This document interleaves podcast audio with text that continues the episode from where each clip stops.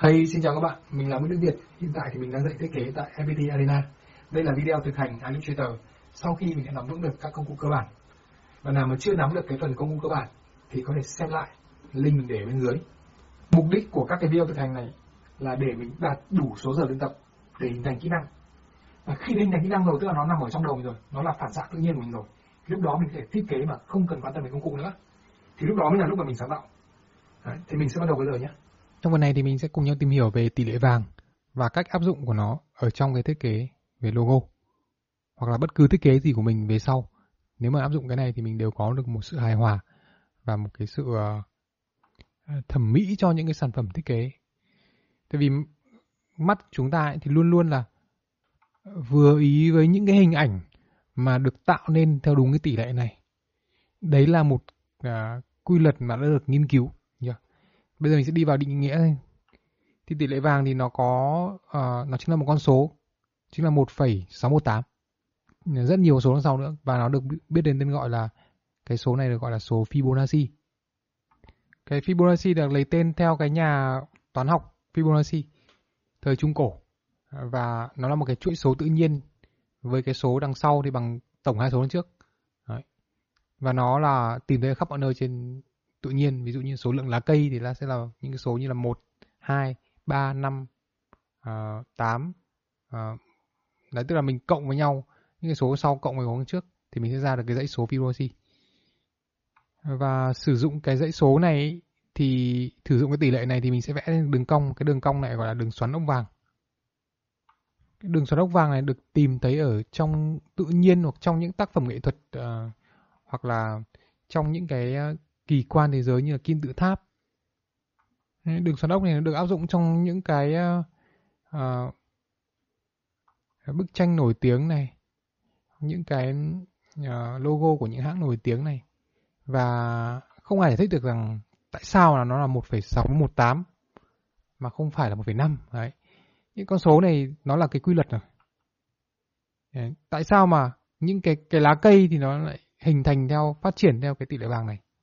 Tại sao tai người nó lại đúng theo cái tỷ lệ vàng đấy? Tại sao lại cái chiều cao từ chân chia cho chiều cao tổng nó lại ra đúng là 1,62 đấy?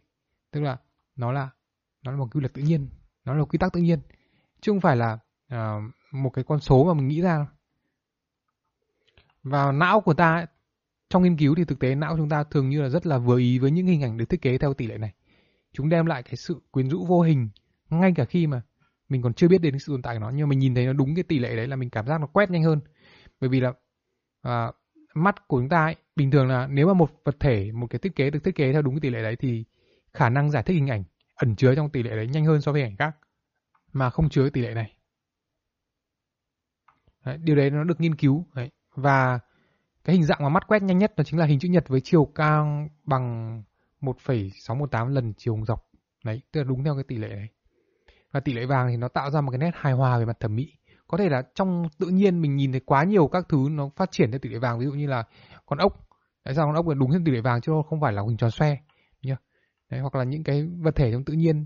Mình nhìn thấy nhiều cho nên là mặc định là não của mình nó cảm thấy là à, dễ dàng mà nhận biết được cái hình ảnh mà được thiết kế theo đúng cái tỷ lệ này. Và từ thời xưa ấy thì à, à, người ta cũng đã nghiên cứu ra cái tỷ lệ này rồi. Và khi mà người ta nghiên cứu ra thì người ta coi đây là một cái điều cấm kỵ bởi vì là nó giống như là một cái gì đấy của thần thánh ấy. Và nó xuất hiện ở khắp nơi. Đó. Và những nhà toán học mà đã áp dụng nó trong cái việc là xây dựng kim tự tháp cho đến những cái tượng nhân sư ở Athens hoặc là những bức tượng Adam nổi tiếng uh, của Michelangelo. Đấy, tức là những cái tác phẩm nổi tiếng, những cái gì kinh điển thì đều áp dụng cái tỷ lệ này để đem đến một cái sự cân bằng về thị giác một sự vừa ý của một não của bất cứ ai. Thì trong thiết kế cũng sẽ áp dụng cái tỷ lệ này. Bây giờ mình sẽ cùng nhau mình áp dụng luôn. Đó. À, cái bước đầu tiên để có thể áp dụng được cái tỷ lệ vàng này là mình sẽ phải tạo ra cái các cái hình tròn và theo đúng cái chuẩn 1,618 đấy. Nhỉ? Thì cách tạo thì khá, khá đơn giản. Mình tạo ra 9 hình tròn. Nhỉ? Tạo 9 hình tròn. Bắt đầu vẽ luôn nhé. Đấy. Bằng cách là mình à, vẽ một cái hình tròn đầu tiên đi. Ấn công cụ là L. Kích vào màn hình. Đánh số 100 đây. Hình tròn đầu tiên đây nhá, ấn ok nghĩa mình có hình tròn đầu tiên hình tròn này mình ấn chữ à, M D đi nền trắng và viền đen sau đó mình vẽ, ấn chữ M để mình vẽ một cái hình à, chữ nhật nữa hình chữ, hình vuông nhé cũng là 100 nhân 100 đấy, và bôi đen hai cái này là mình căn giữa đi Dạ, yeah, mình căn giữa rồi sau căn giữa rồi thì mình có thể nhân đôi lên. Trước khi nhân đôi thì bạn vào view đấy. Bạn tắt hết chế độ là snap đi. Tắt hết chế độ snap là bắt dính đi. Để mình chỉnh cho nó nhanh. Và để lại đúng cái chế độ là smart guide thôi. Được chưa? Đấy. Ở đây thì mình để hình tròn này hình vuông xuống dưới nhé chuột phải. Arrange trong dưới đây hoặc là mình bỏ nền đi. Chỉ giữ lại viền thôi. Hoặc là không cứ để nền đi. Đấy, để cả nền đi di chuyển cho dễ sau đó là mình ờ, ấn con chuột Y dài nhé để mình để chế độ outline. Nhìn cái đường nó mảnh nó vẽ cho nó nhanh. Sau đó mình giữ an này. Giữ an nhé. Kéo xuống giữ an và shift cùng một lúc kéo xuống. Được nhân đôi lên đấy nhân đôi thành hai hình. Đấy, bước đầu tiên là nhân đôi thành hai hình đã. Sau đó là mình sẽ ờ, vẽ nó theo cái chiều ờ, kim đồng hồ từ trái qua phải từ trên xuống dưới. Hoặc có thể là hiểu là theo hình xoắn ốc đấy tức là nó theo một cái đường như này này. Đấy, theo một cái đường uh, như này vòng nhà này xoắn ốc ra ngoài ấy. đó. Từ hình tròn thứ hai thì hình bôi đen này nhá. Giữ an kéo sang này. Khi nào có chữ intersect có nghĩa là đã giao cắt nhau rồi. Bôi đen cái này. Mình giữ ship kéo ra. Để nó xuất hiện smart guy thì bạn phải để cái con chuột này này nó thẳng với cả cái đường bên cạnh. Đấy thì nó mới xuất hiện smart guy. Còn bạn để ở trên này này nó không nó không xuất hiện đâu nhá. Đấy phải để thẳng này, này thẳng cái đường này đấy thì nó mới tự động nó hiểu là căn chỉnh, nó bắt dính vào. Thấy chưa? Đấy. Tiếp theo là mình nhân đôi tiếp. Giữ an và ship nhé nhân lên. Đấy, bôi đen, phóng to. Đấy, để xuất hiện smart guide thì mình để thẳng này.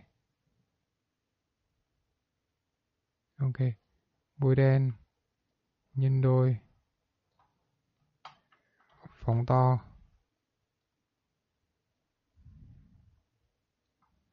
Đấy, bôi đen nhân đôi phóng to. Giữ ship nhá. Để xuất hiện smart guide thì đừng để cái chuột ở đây. Mà để cái chuột thẳng cái này nó tự động nó xuất hiện smart guide chín hình nhá cứ nhân thôi. Bôi đen nhân đôi. Này bôi đen giữ ship. Bôi đen nhân đôi giữ ăn và ship là nhân đôi nhé, Đấy, kéo lên. Bắt nó dính smart guide là ngon rồi nhé bôi đen nhân đôi. Đấy. Giữ ăn và ship. Giữ ship đi nhầm. Đấy. Như vậy đây là chính là cái bộ chín hình tròn. Đấy, theo đúng cái tỷ lệ vàng. Đấy, ấn con chuột đi dài. Trả về như cũ nhá. Đấy. Rồi xong sau đó thì mình sẽ à, bôi đen hết cái này và kéo xuống dưới. Đấy. Mình chọn tất cả hình vuông nhé. Hình vuông tất cả những chín hình vuông của mình ấy. mình xóa hết đi. Còn một vài hình như lại xóa hết mấy hình vuông đi. Được chưa? Thì còn lại những hình tròn thôi. Mình bôi đen tất cả hình tròn này căn giữa. Căn ngang. Đây chính là bộ ờ, uh, bỏ nền nhé. Đây chính là bộ hình tròn vẽ được theo đúng cái tỷ lệ vàng đấy, thì đấy là cái cách mà mình tạo ra cái bộ hình à, mà có tỷ lệ với nhau. Sau đó mình sẽ sử dụng cái hình này để mình vẽ những sản phẩm logo hay là những sản phẩm thiết kế của mình. Đấy. phần sau thì mình sẽ hướng dẫn các bạn cái cách vẽ một cái logo theo tỷ lệ vàng là như nào. Và phần này thì mình dừng video đây. Cảm ơn các bạn.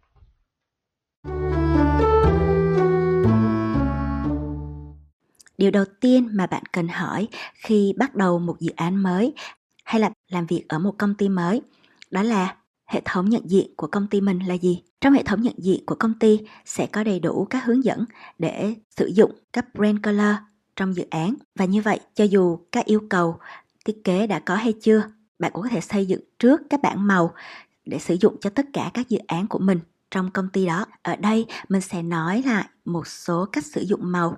Phần này thuộc về kiến thức cơ bản, nhưng nó sẽ rất là quan trọng khi bạn sử dụng màu trong các thiết kế của mình. Đầu tiên nếu ứng dụng dùng màu để truyền tải thông tin, hãy thêm nhãn để người mù màu có thể hiểu được. Có thể bạn không tin, nhưng đến 10% nam giới mù màu.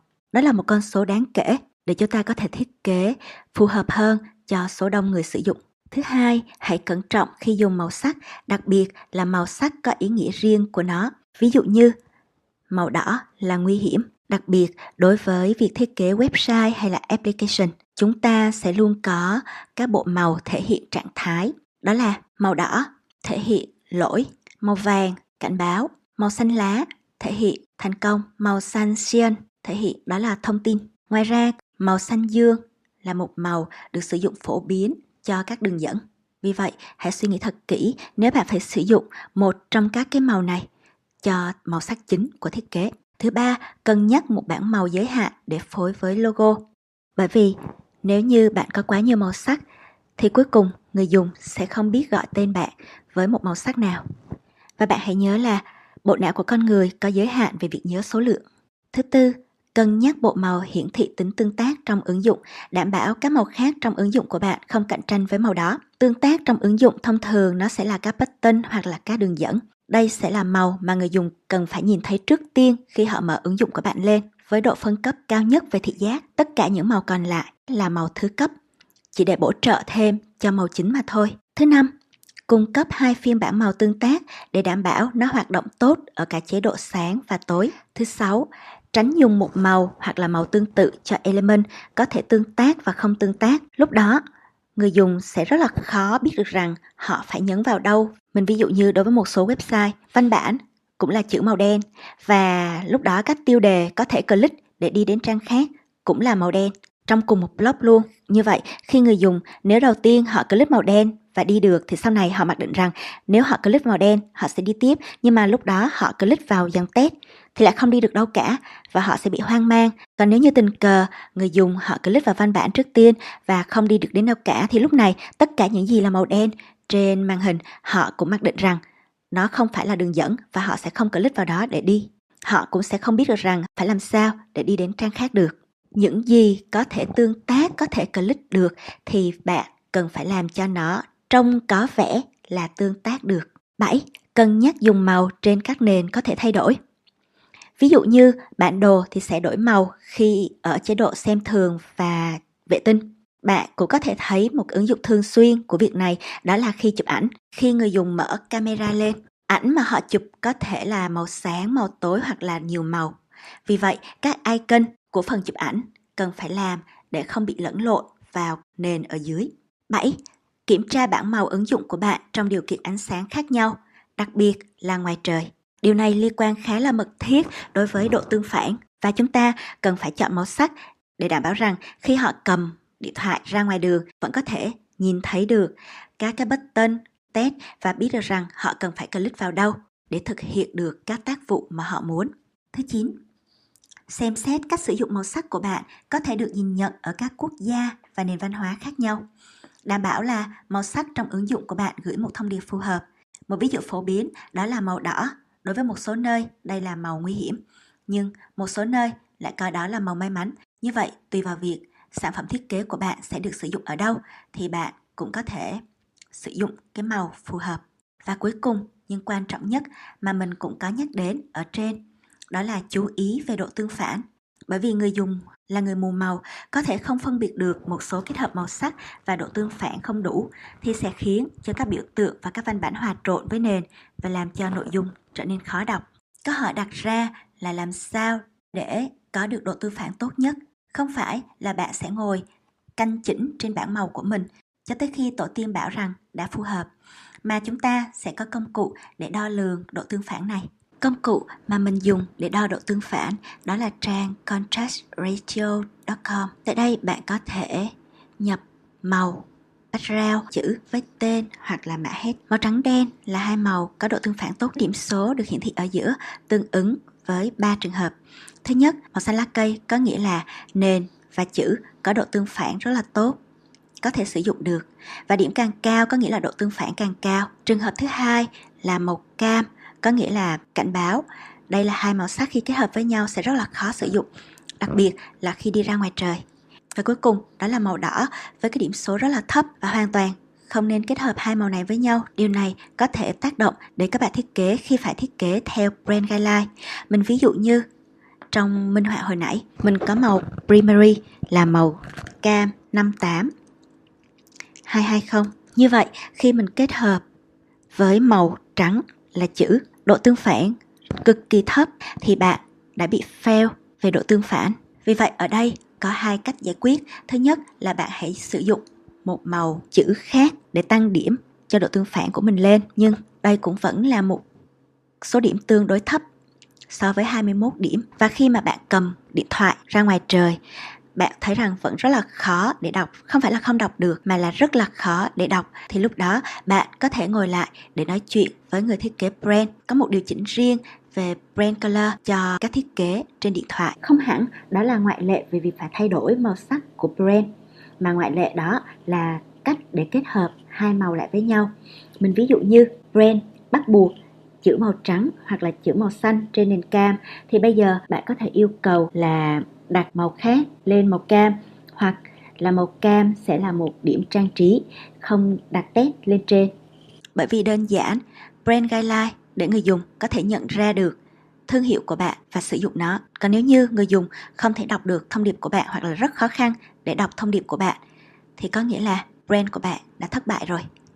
Đối với brand color, một số tổ chức sẽ có brand color rất là đơn giản giống như thế này. Màu xanh là màu chính với màu đen và sau đó các màu khác sẽ là màu thứ cấp thì bạn chỉ việc set 6 màu này vào trong style của mình và xem xét là bạn có được sử dụng các cái màu transparent hay không như là transparent 50%, 70%. Nếu có thì bạn cũng sẽ set luôn nó trong style để sử dụng sau này. Một số tổ chức khác thì có một brand color đa dạng hơn, bao gồm màu sắc chính và ngay cả trọng số của màu sắc đó khi được sử dụng trong thiết kế. Màu subcolor dùng cho graphics và illustration và màu sẽ được sử dụng cho các digital background hoặc là các đường line, border.